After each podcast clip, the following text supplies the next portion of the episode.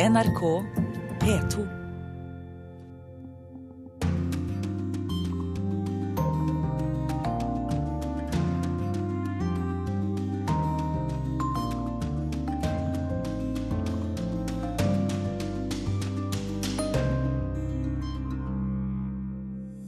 Det er lørdag, klokken er 11.03 og du lytter på NRK P2. Programmet er Urix på lørdag med følgende meny. Det er fremdeles mer enn halvannet år til det amerikanske presidentvalget, men valgkampen er allerede i gang. I India er landets største politiske stjerne i ferd med å slukne. Mange mener at den aldri har lyst. For øvrig, valg i Finland i morgen. I Storbritannia får kongefamilien et nytt medlem med det første. Det er ikke lett å være rik russer om dagen, og i Sør-Afrika veltes statuer av apartheidtidens helter. Dette og mer til, samt korrespondentbrev fra London, i denne utgaven av Urix på lørdag. Men vi begynner i New Hampshire, der vår reporter Tove Bjørgaas har spist frokost med Jeb Bush og en håndfull andre, for å si det mildt. Jeb Bush lover å bli en annen type president enn sin bror, sier han, dersom han får velgernes tillit. Men det er langt frem. Han har ennå ikke lansert sitt kandidatur. Det gjorde derimot hans egen elev fra hjemstaten Florida denne uken, Marco Rubio. Og det var ingen god nyhet, innrømmet Jeb Bush under frokosten. He is a good close friend, and um, it is what it is. We'll all sort my uh, one of my objectives would be to maintain the friendships I have with people that may be aspiring to the same thing. I think Det blir som det blir nå. Jeg vil prøve å bevare vennskapet til Marco Rubio, sier Jeb Bush. Han står opp mot veggen i et lite møterom i New Hampshire med minst 40 av oss i pressekorpset foran seg. Han vil gjerne snakke om økonomisk politikk, men får flest spørsmål om fortida. Problems you have with your brother's foreign policy? Any place he made No, a I have- No, I'm not going to get into that. Look, that's that's not particularly relevant. Nei, Jeb Bush vil ikke kritisere sin brors utenrikspolitikk. Han mener verden er en helt annen i dag enn da broren og faren drev valgkamp her. Derfor vil han også bli en annen president. The, the world that we're in is radically different than it was when my brother was up here in, in 1999, and certainly like light years uh, away from the 80s. The United States needs to be engaged in the world. We need to re-nourish the alliances. Uh, I question the viability of NATO right now as we pull back and European countries do the same. Det er stinn brakke i en lav bygning ved St. Anselm College i New Hampshire. Her holder fenomenet politikk og egg til. En møteserie alle seriøse presidentkandidater tar turen innom. Politics and Eggs is a series. Uh, I believe it was started in the 1990s. This is an important event even for the candidate. Yes, um, yes, kind of a rite of passage. De begynte på 1990-tallet, forklarer Caitlin Ellison, som er presseansvarlig for arrangementet. Tilhørerne forsyner seg med egg og bacon. På veggene rundt dem henger bilder av politikere som hadde vekslende hell på sin vei mot Det hvite hus. De som bor her i delstaten som nominerer presidentkandidater nest først, er stolte av jobben de er tildelt i det amerikanske politiske systemet. Brian Huber driver et transportfirma og har kommet for å se nærmere på Jeb Bush. Um, I'm on the fence. That's the good thing about New Hampshire is that you meet every sort of candidate and uh, feel them out, kick the tires. Jeg er heldig som får møte kandidatene ansikt til ansikt og kjenne om de passer. Jeg sitter fortsatt på gjerdet når det gjelder Bush, sier han.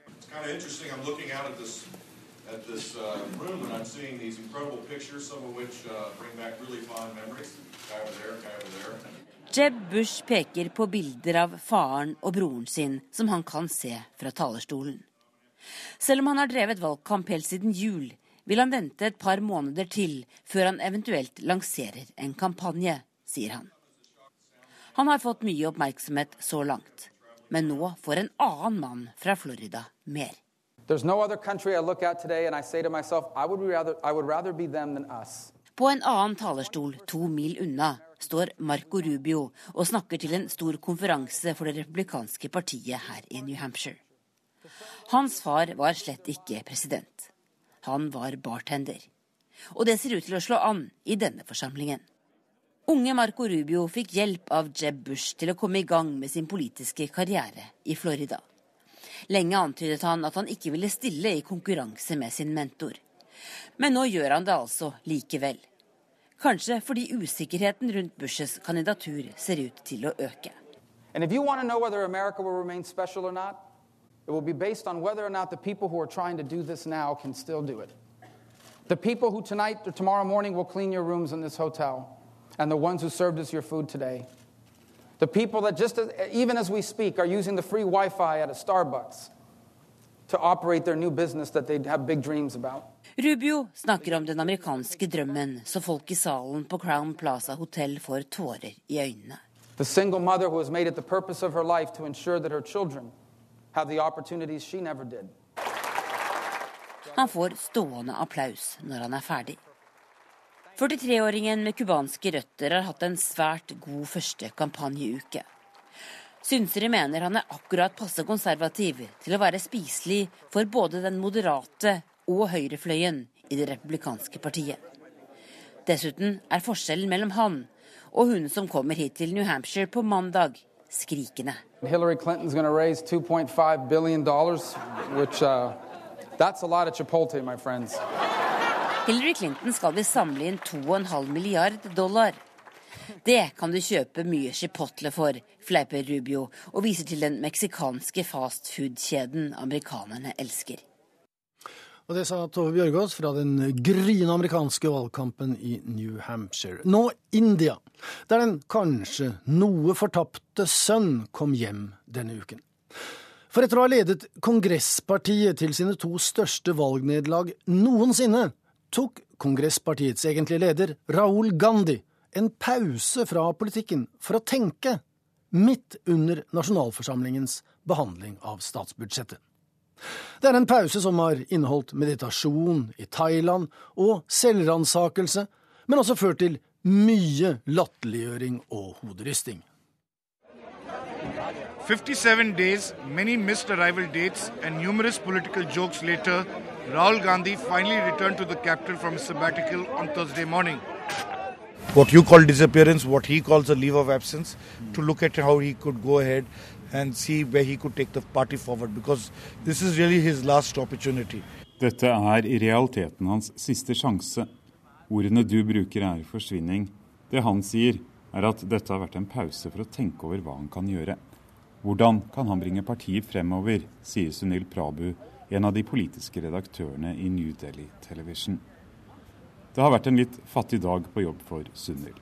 Dagen da kongresspartiets kronprins vender tilbake fra en politisk sabbat, etter 57 dager med spekulasjoner, vitsing og kritikk, er det eneste kameraet har klart å fange opp et lite glimt av ansiktet til Raoul Gandhi gjennom et sotet bakvindu i en bil. Ikke mye å basere politiske analyser på i direkte opptredener gjennom en hel dag på en 24-timers nyhetskanal. Really Dette var først og fremst en følelsesmessig hjemkomst for han. Tid til å møte sin mor og sin søster.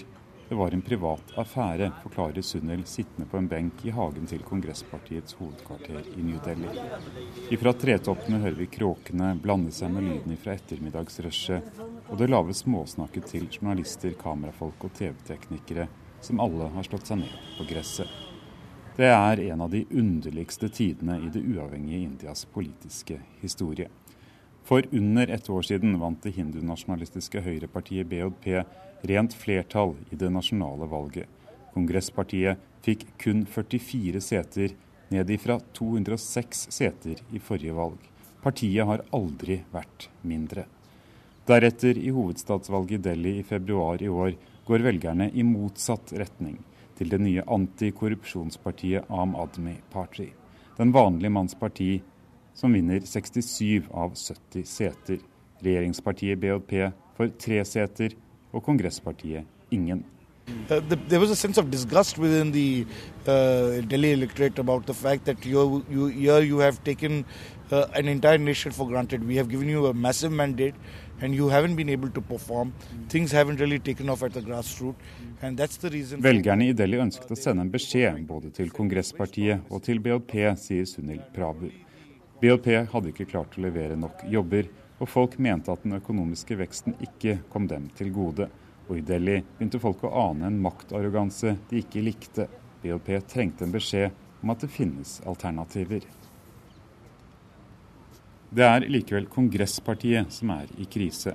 Skulle BLP klare å beholde regjeringsmakten også etter neste valg, og skulle Am Admi Party, den vanlige manns parti, klare å bygge seg opp til et parti med nasjonal appell og ta Kongresspartiets sentrum-venstreplass, da har partiet som brakte India til uavhengighet, spilt seg selv ut på sidelinjen. Og Nehru Gandhi-familien flyttet seg selv fra politikk til kjendissidene i avisene. Derfor er Raouls comeback ventet allerede i morgen. På et møte i Delhi hvor Kongresspartiet har mobilisert 100 000 bønder, skal Rahul gå til et massivt angrep på BHPs økonomiske politikk og regjeringens omstridte forslag til en lov som skal gjøre det lettere å ekspropriere land til å bygge industri og infrastruktur. There is a general perception within India that the number of steps that have been taken by the Narendra Modi government has been anti-farmer. Og etter dette møtet vil den interne opprydningen starte. But there are many who believe that uh, the Congress party has to be ready for generation next. Noen i Kongresspartiet mener Rahul allerede nå må overta som leder for sin mor Sonia Gandhi, og bytte ut den gamle garden i partiledelsen. Noe ikke alle i den gamle garden helt ser nødvendigheten av. Rahul Gandhi has his own ideas of democratizing the party, starting it at the grassroots level. Ironien er at kronprinsen ønsker å bygge opp demokratiet i partiet. Han kan velge å arve partiet hvis han vil, men han vil at grasrota skal velge han, sier Sunil. He would like to be see himself, uh, while it's quite ironical, mm. since he is seen as a crown prince, uh, to be elected from the grassroots. Og skulle Rahul ikke lykkes, finnes det en arving til den langt mer karismatiske søsteren som mange av Kongresspartiets lojale partiarbeidere ser som et speilbilde av bestemor Indira Gandhi, Priyanka Gandhi. Men foreløpig har Priyanka selv sagt at hun ikke er noe annet enn sin brors søster. Emotional quotient of uh, connecting with the masses. Rahul Gandhi does not have that uh, uh, to a great extent. He has certain limitations in terms of that approach that Priyanka Gandhi does have, but she's made it clear a number of times she's in politics in the Congress party only to serve her mother and her brother.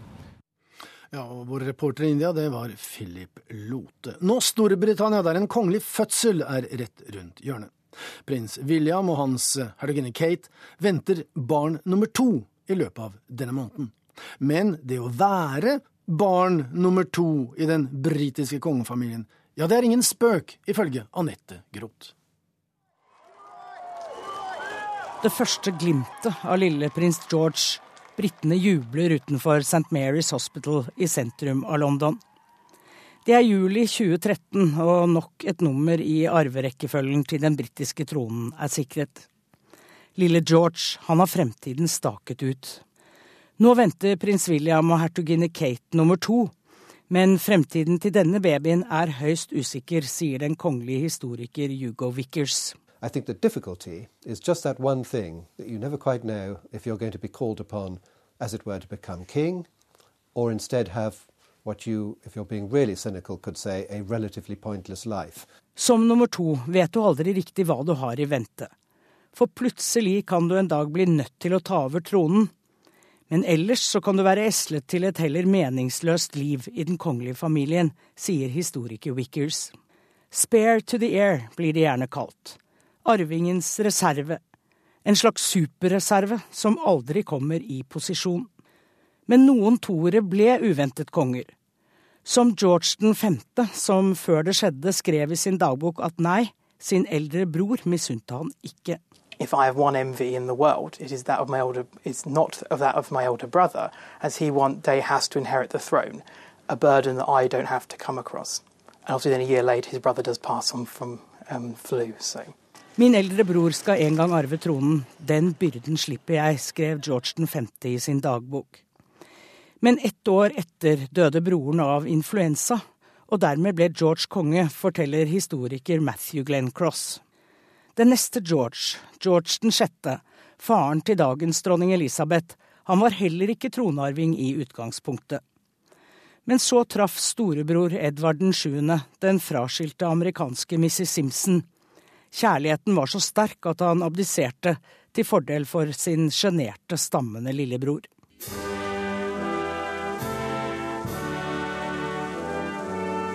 God save the queen, Gud bevare dronningen, heter det i dag. Gudene vet når det blir Gud bevare kongen. For når vi snakker om toere, kommer vi ikke utenom prins Charles. Dagens tronarving, som egentlig er en ener, men som allerede har nådd pensjonsalder fordi moren hans har så gode gener. Med ham har det vært skandaler. Diana og skilsmisse, Camilla og utroskap. I'm not a total idiot. It's not something that I went into marriage, you know, with the intention of this happening. Det var ikke meningen å være utro mot Diana, sa prins Charles i et intervju med BBC i 1994. Nå er han i alle fall gift med hun han var utro med, Camilla, ungdomskjæresten. Men tilbake til de ordentlige toerne, de som bare har forblitt i skyggen av en eldre bror eller søster. I think it's, it's incredibly difficult for the, the younger sibling to, to a future monarch because det er vanskelig for tronfølgerens yngre bror eller søster. De lever et liv i offentligheten, men uten en klart definert rolle, og uten den samme beskyttelsen som tronarvingen har, sier forfatteren Claudia Joseph.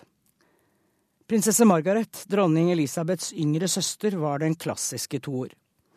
Hun måtte forsake sin store kjærlighet Peter Townsend fordi han var skilt, i stedet giftet hun seg med fotografen Anthony Armstrong Jones, ikke verdens mest vellykkede ekteskap.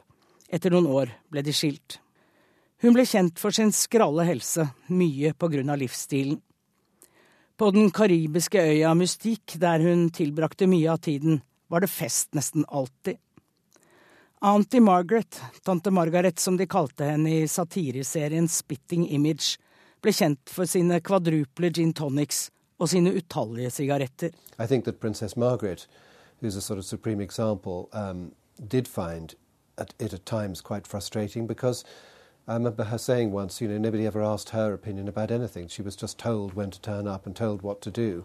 Prinsesse Margaret er et klassisk eksempel på en frustrert kongelig britisk toer, sier historikeren Hugo Vickers. Ifølge ham sa hun en gang at hun aldri ble spurt om hva hun mente, og at hun bare ble beordret rundt. Prinsesse Margaret døde i 2002, men to andre klassiske toere er høyst levende.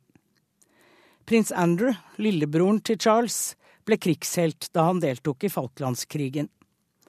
En stund var han relativt pent og pyntelig gift med Sarah Ferguson, men både før og etter var det mange damehistorier, for ikke å si skandaler, blant annet med prostituerte involvert. Unfortunately, it seems that Prince Andrew has, hasn't really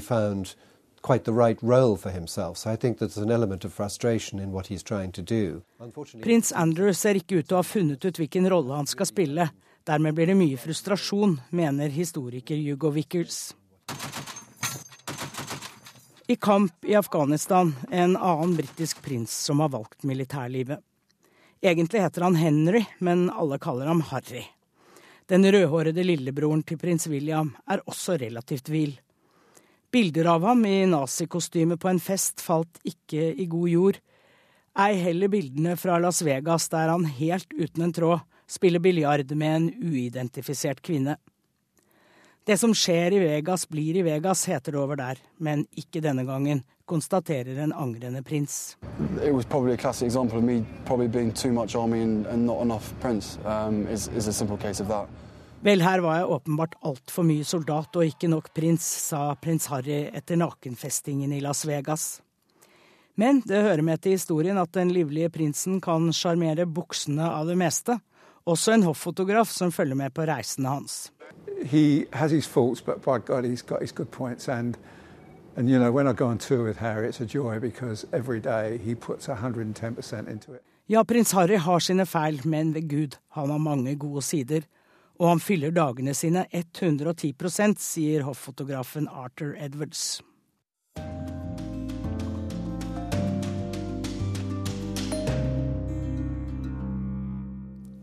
I Sør-Afrika har de fremdeles mange prangende statuer av apartheidstatens helter.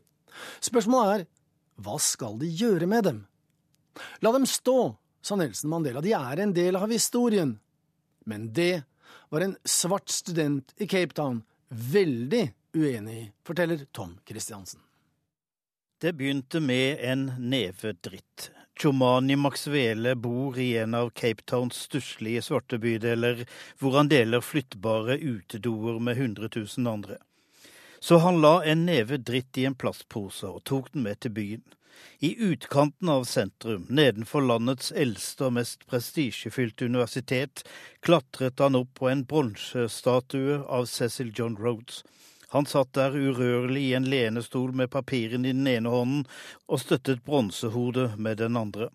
Max Vele klinte ekskrementene utover ansiktet. Det luktet, og det syntes, og det skapte begeistring da universitetet etter ei uke måtte fjerne heltemonumentet.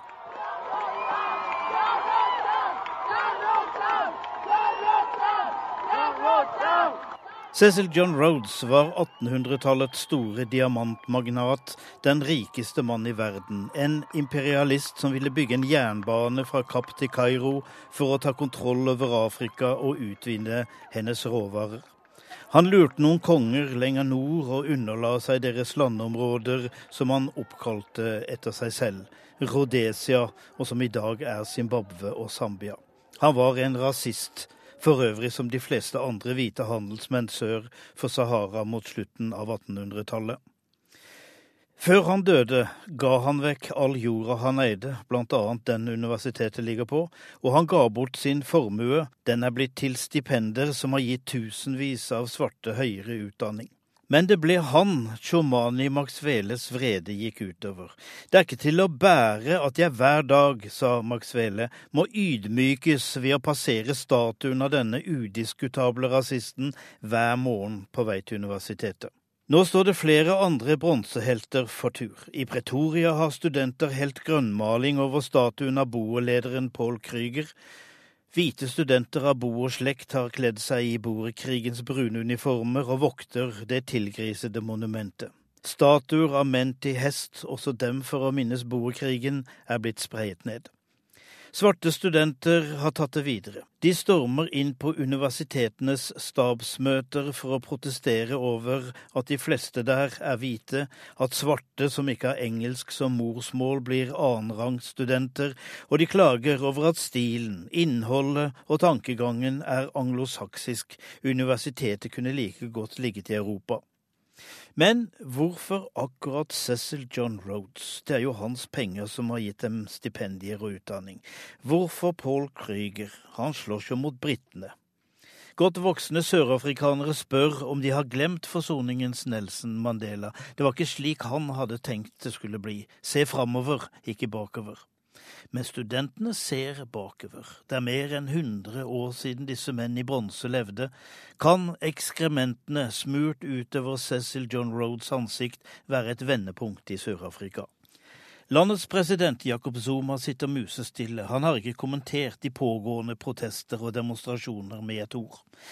Det har gitt ham noen dagers fred, fra kritikken av hans korrupte lederstil, kaotiske familieliv og amorøse privatliv.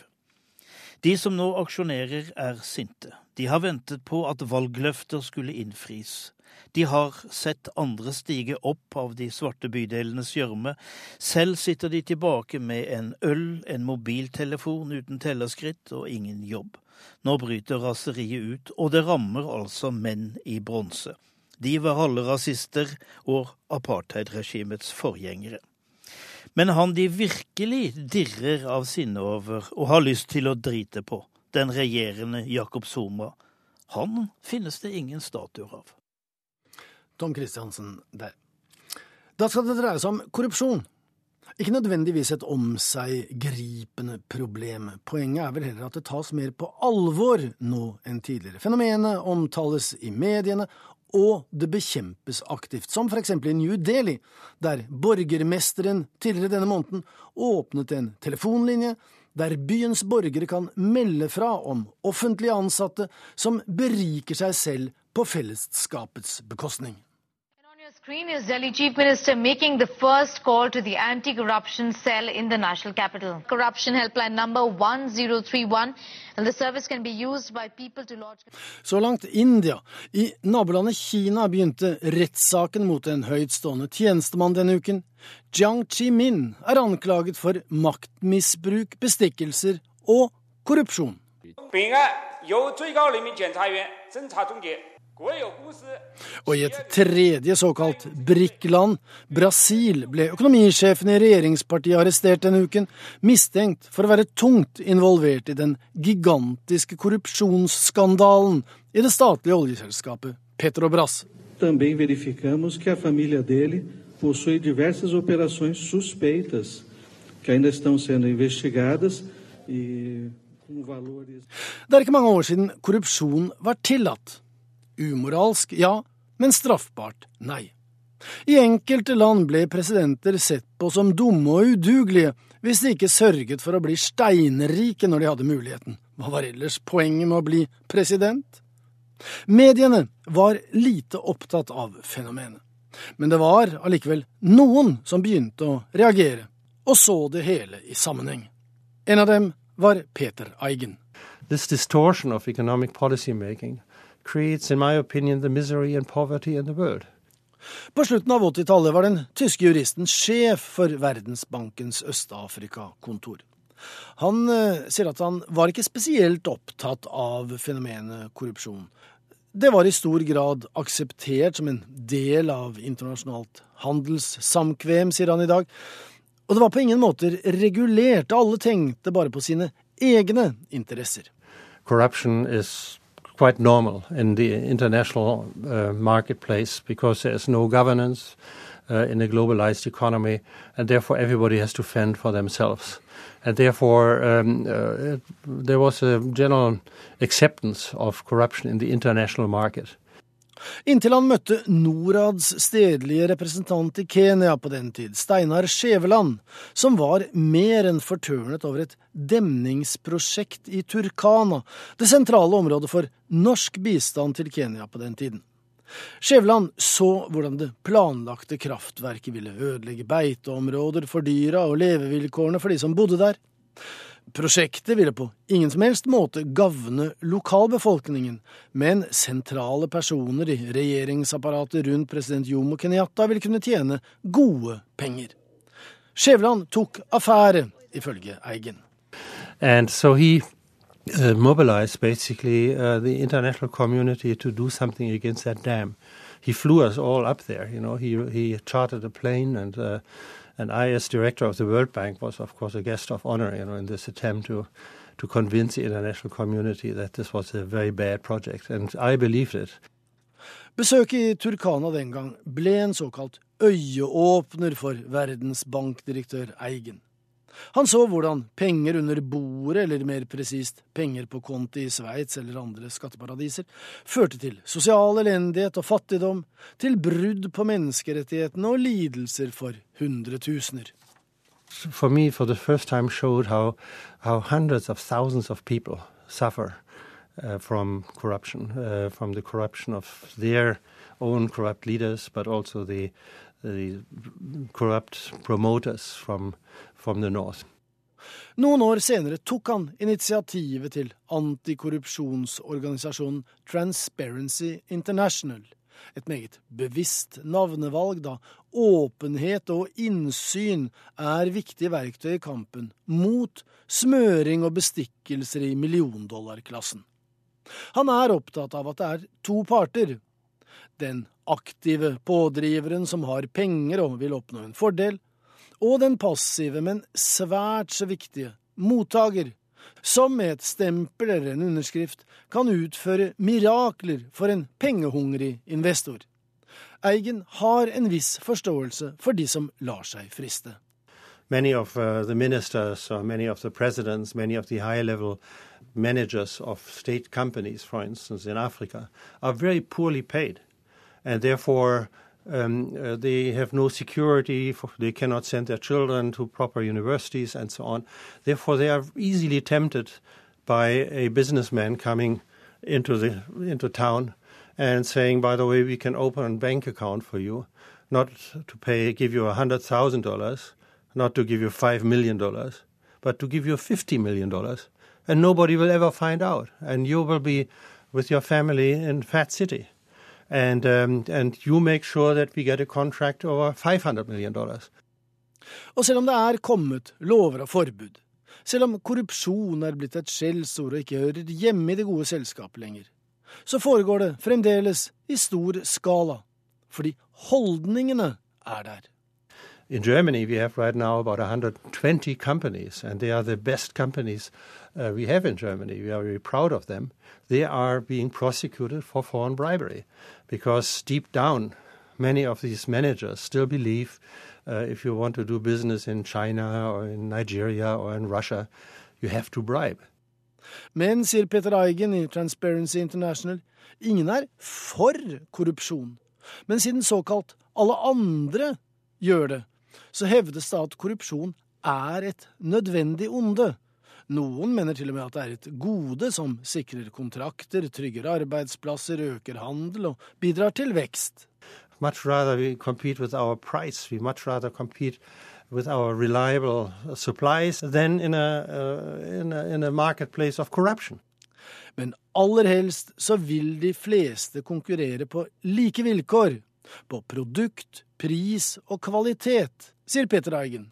Og ikke med kreativ bokføring og tvilsom juss, svarte penger, hemmelige konti eller forkastelig forretningsmoral.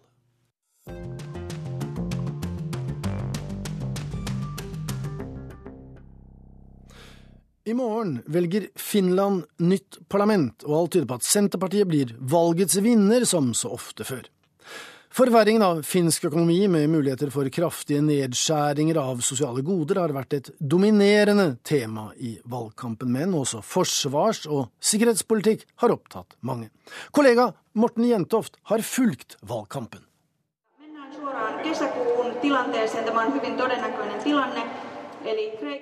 Partilederdebatt i sentrum av den finske hovedstaden Helsingfors tirsdag denne uken.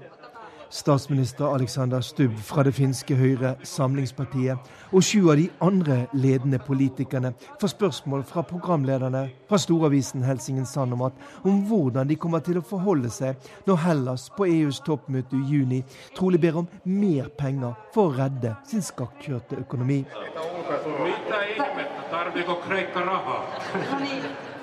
Kommer Hellas virkelig til å be om mer penger? Det er en overraskelse, sier den alltid slagkraftige Timo Soini, leder for det populistiske partiet Sandfinnene. Den store overraskelsen ved valget i 2011, da partiet fikk mer enn 19% av stemmene. Først og fremst fordi partileder Soinis kraftige ordbruk mot EU-medlemskap og tanken på at nøysomme finner skal betale nattklubbregningen for uansvarlige grekere, vakte gjenklang og svært mange mange finner.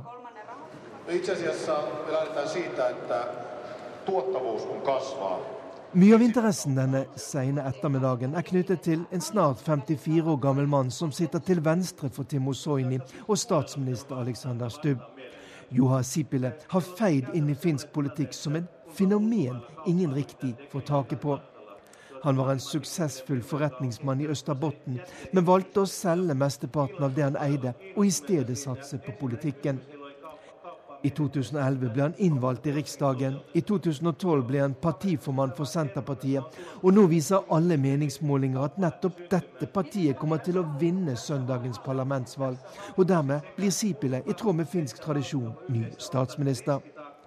Men hva mener han egentlig om forsvars- og sikkerhetspolitikk i en tid der nabolandet Russland framstår som uforutsigbart og ifølge manges mening aggressivt?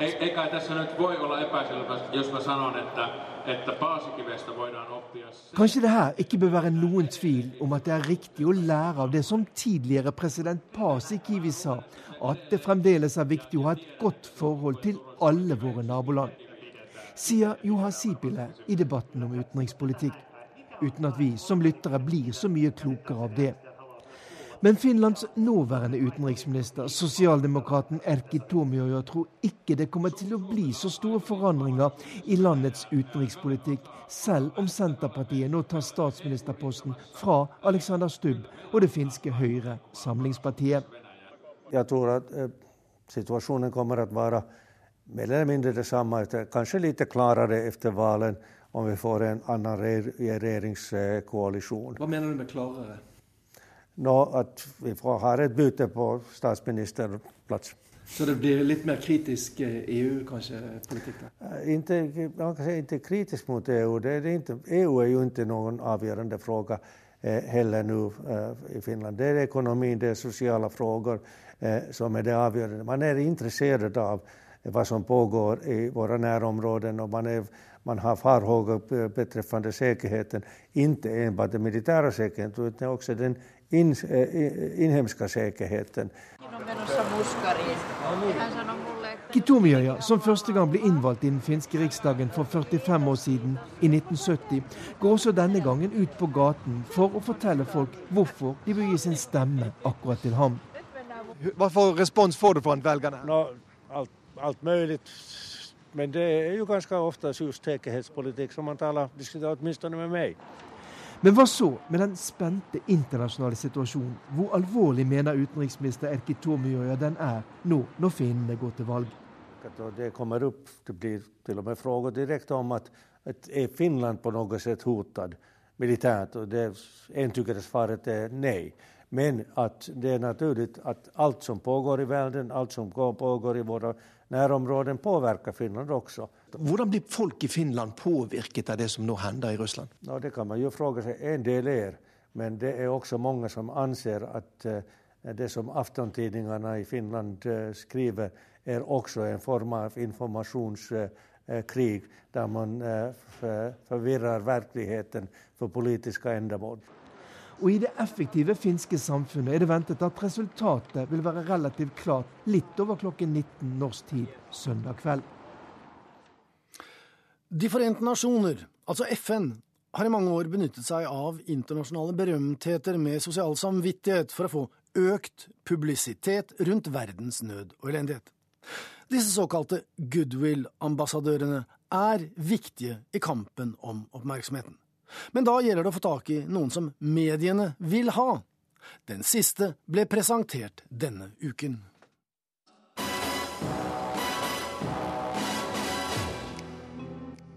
«007 har lenge representert det gode mot det onde, i hvert fall på sin måte. Han har reddet verden en rekke ganger, ofte i siste sekund, eller kanskje med et par-tre sekunder å gå på, så har han greid å desarmere en tikkende bombe til det beste for menneskeheten. Og nå skal han gjøre det igjen, om enn i noe mindre målestokk og kanskje på en litt annen måte. James Bond er blitt FNs første ansikt utad i kampen mot landminer. Ladies and gentlemen, it's a great uh, pleasure and honor for me to welcome uh, Mr. Daniel Craig to the United Nations. FNs generalsekretær Ban Ki-moon ønsker velkommen til publikum i alminnelighet, og til den britiske skuespilleren Daniel Craig i særdeleshet. He's known as 007 James Bond. Ordningen med goodwill-ambassadører er nesten like gammel som FN selv. Det var FNs barneorganisasjon UNICEF som var først ute. Allerede i 1954 fikk underholderen, skuespilleren og artisten Danny Kay æren av å være den første. Dernest kom Audrey Hepburn, og siden har det gått slag i slag med superstjerner. Deres oppgave er å fronte den gode sak, bidra til at viktige kampanjer, som ellers kanskje ikke ville fått all verdens pressedekning, blir omtalt verden over, fordi Nicole Kidman eller David Beckham, Berlinfilharmonikerne eller Johan Olav Koss kaster sin glans over et tema som er viktigere enn dem selv. Global Star Power kaller Ban Ki-moon det. I'm very happy that uh, you have agreed to use your global star power uh, to raise uh, awareness. Mange av de tilbaketrukne og feterte stjernene har altså en sosial samvittighet. De stiller opp frivillig, og selv om det kanskje er bra for image og omdømme, så hadde de ikke behøvd å låne navn og ansikt til FN. Det er mange nok som ikke låner bort stjernestatusen sin, men en som virkelig gjør det, er Angelina Jolie. refugees are often very misunderstood, and so it was important to me that people really know who they are as people. De siste 15 årene har hun besøkt flyktningleirer i mer enn 40 land som ambassadør for UNHCR. Hun snakker flyktningenes sak, og mediene videreformidler hennes budskap.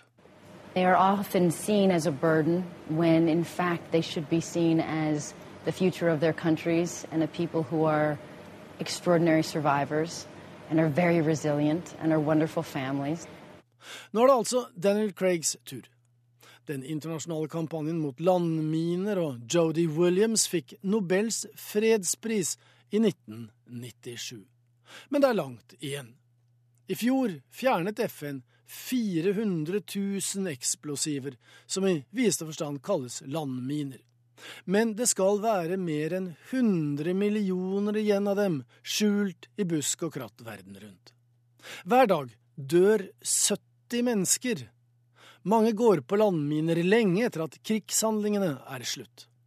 Craig er engasjert, snakker om disse forferdelige og morderiske våpnene, om moderne krigføring og det viktige arbeidet antiminearbeiderne utøver. So.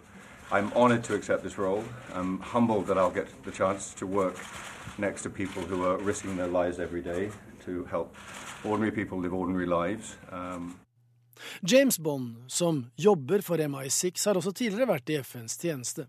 Så vel Roger Moore som Sean Connery og Pierce Brosnan har stilt opp i lignende sammenhenger. Og siden Ban Ki-moon innrømmet at han var fan av Bond-filmene, klarte han ikke å dy seg. 007, med rett til å ta liv, har nå fått lisens til å redde liv. You have been given license to kill. I'm now giving you a license to save. My name's Bond. James Bond. Ja, og apropos James Bond. Eh, det er ikke noe særlig From Russia with Love for tiden. Og spesielt de rike har det vanskelig på de kanter, for det er de som merker mest til den økonomiske krisen og de vestlige straffetiltakene. Så biler og reiser i luksussjiktet, ja, de blir faktisk avbestilt. Men støtten til president Vladimir Putin og hans politikk er fortsatt like sterk, forteller Jan Espen Kruse.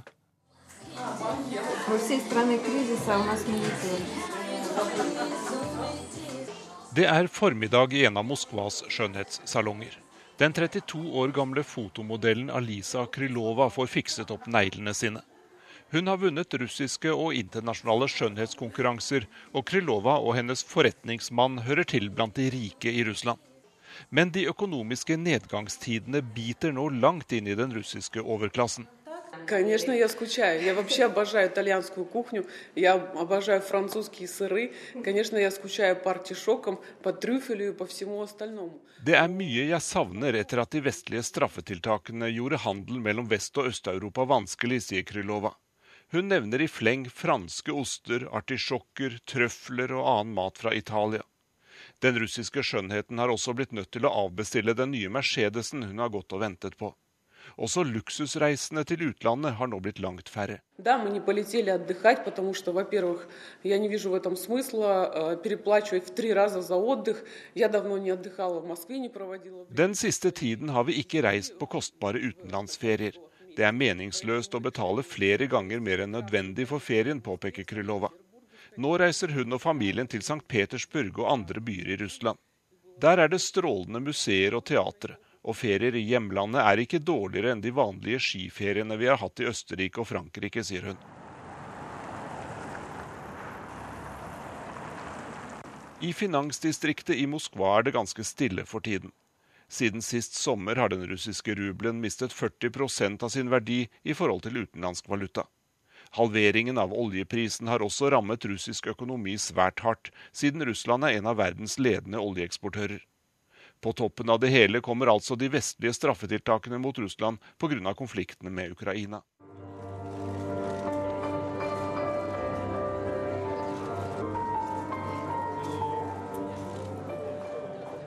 Moteuka i Moskva har vanligvis vært et sted der de rike russerne har boltret seg.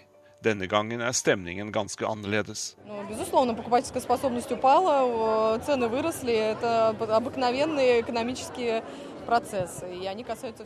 Kjøpekraften har gått ned og prisene har gått opp. Det påvirker alle områder, både mat, olje, banker og motebransjen, sier en ung kvinne som har kommet for å se kolleksjonen til en russisk designer.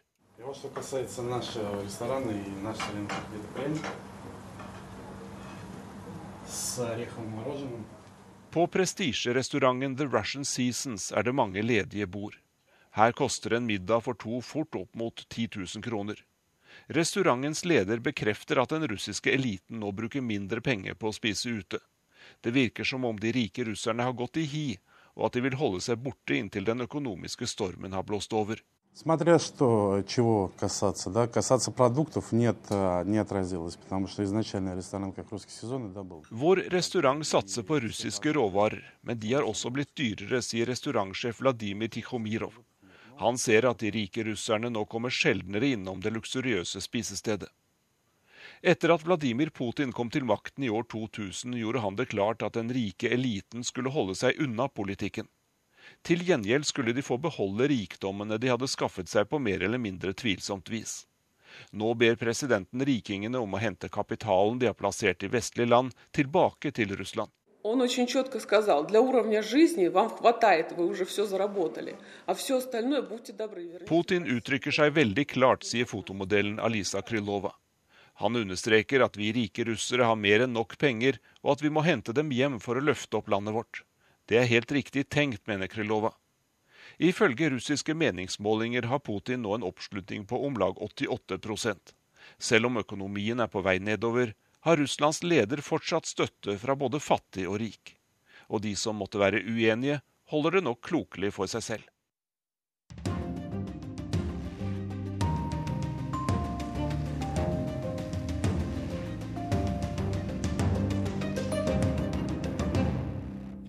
Da er det tid for korrespondentbrevet. Der skriver London-korrespondent Espen Aas om et møte med en verdenskjendis som de færreste kjenner til. Hei, hei, husker du meg? Husker du meg? Verdens største Diana-fan, ikke sant? Jeg som har blitt intervjuet flest ganger av alle. Husker du meg? Det var så vidt det kom noen pustepauser hos den ivrige mannen som sto foran meg på gaten tidligere denne uken. Det var med nød og neppe at jeg slapp til for å svare, men jo da, jeg husket ham. John. John Laurie heter han. Vårt første møte inntraff den 22. juli 2013. Jeg hadde rukket å være London-korrespondent i opptil flere timer, og hadde kavet meg opp til St. Mary's hospital like ved Paddington stasjon vest i London sentrum. Jeg sto der i dress, skjorteslips og knallblå joggesko, noen godt brukte joggesko faktisk. Det var de eneste skoene jeg hadde klart å finne i et kaotisk flyttelass som hadde ankommet samtidig med meg. Men det var kongelig fødsel på gang, så flytting fikk være flytting. I et mediekaos og folkehav jeg knapt hadde sett maken til, verken før eller senere, sto en mann foran meg med Union Jack-lue, Union Jack-bukse og Union Jack-jakke. Han hadde fattet interesse for meg, han ville snakke, det ville ikke jeg. Jeg veivet ham unna og tråkket videre for å orientere meg i kaoset i minst 30 varmegrader, mens jeg sakte fikk en ilddåp som korrespondent gjennom flere dager med kongelige fødselsnyheter. Dagen da verdenspressen pakket ned utstyret sitt fordi prins William og hertuginne Kate hadde reist hjem fra sykehuset med en prins i baksetet på bilen, møtte jeg ham på ny, John Laurie. Han hadde peilet meg inn, men han så verken blid eller nysgjerrig ut denne gangen. Du har ikke intervjuet meg, sa han irritert. Du har ikke intervjuet meg, sa han enda en gang. Og det var sant, jeg hadde ikke intervjuet denne lille mannen i Union Jack-utrustningen, men det hadde jammen meg mange andre, og nettopp derfor hadde jeg unngått ham. Jeg hadde konkludert med at han var utkledd som han var, først og fremst for å bli intervjuet, komme på TV, i radio, på nett og i aviser, så jeg droppet ham, og i stedet intervjuet jeg de jeg anså som vel eh, mer genuint kongefrelste. Derimot hadde flere norske kolleger intervjuet ham. Svenske, danske, finske, amerikanske, engelske, franske, australske. Samtidig som jeg sto der og tenkte gjennom alle lands medier jeg hadde sett intervjue ham, sto han og lekset de samme opp for meg. Han mente jeg åpenbart hadde misforstått noe.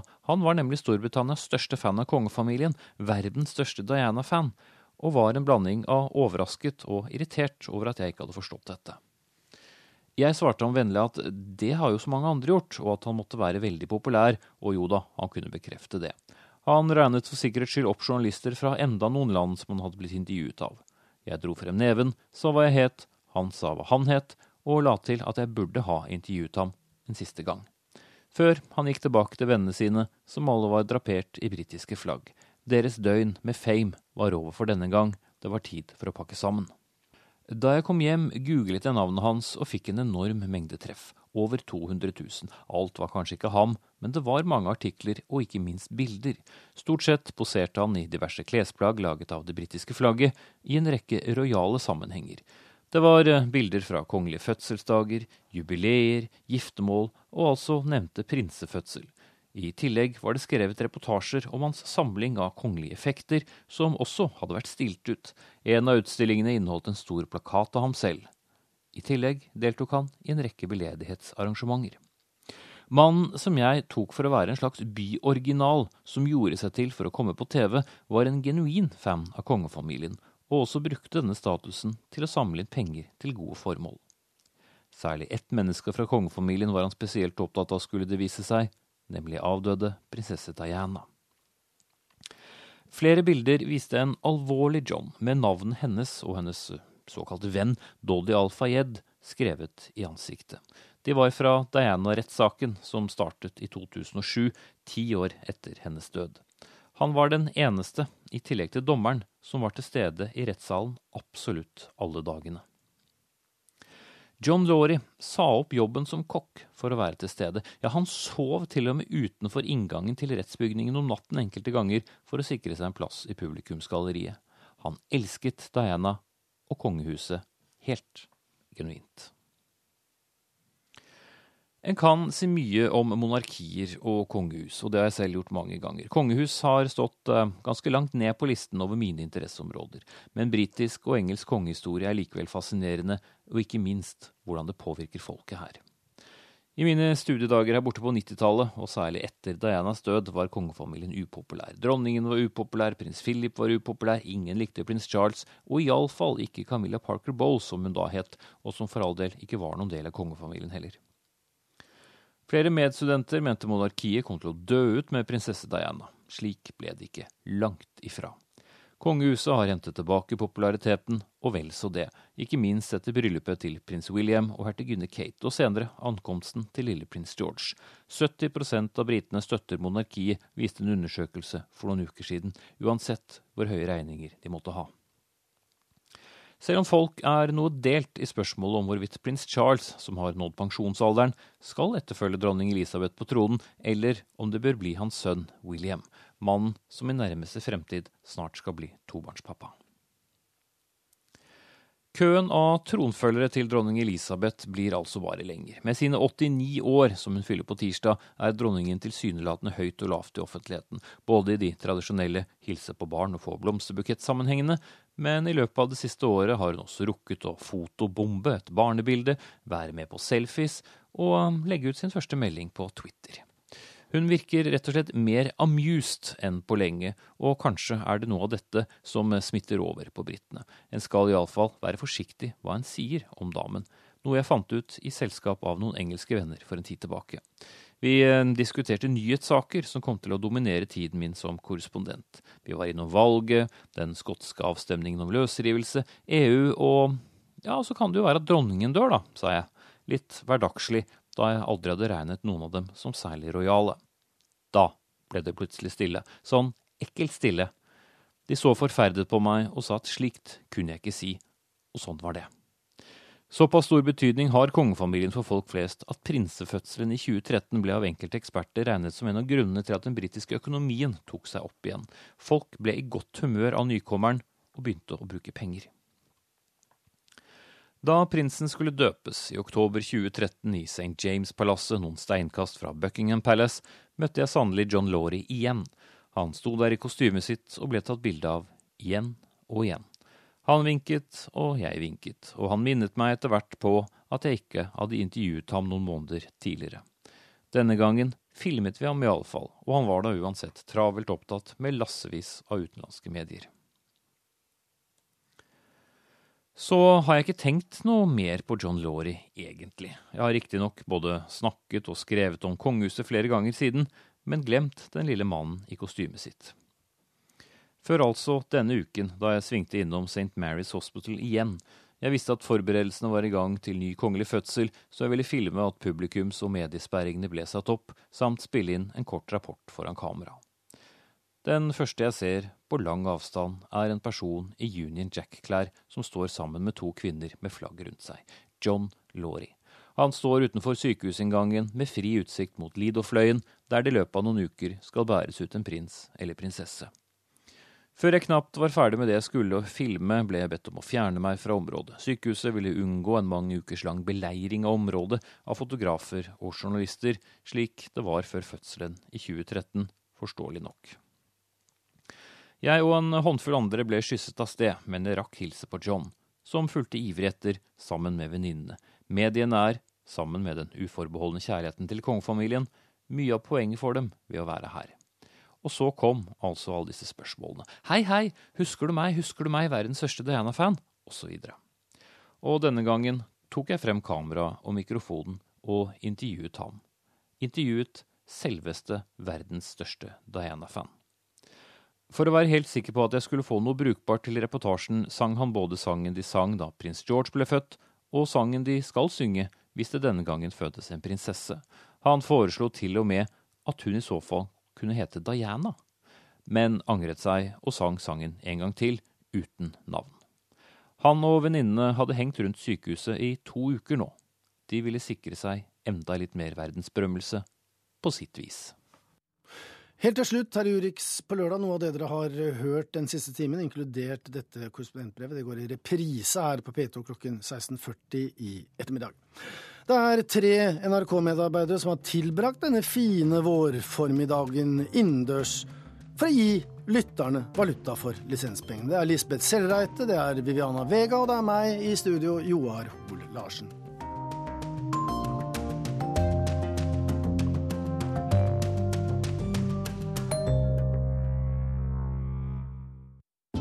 Flere podkaster på nrk.no podkast.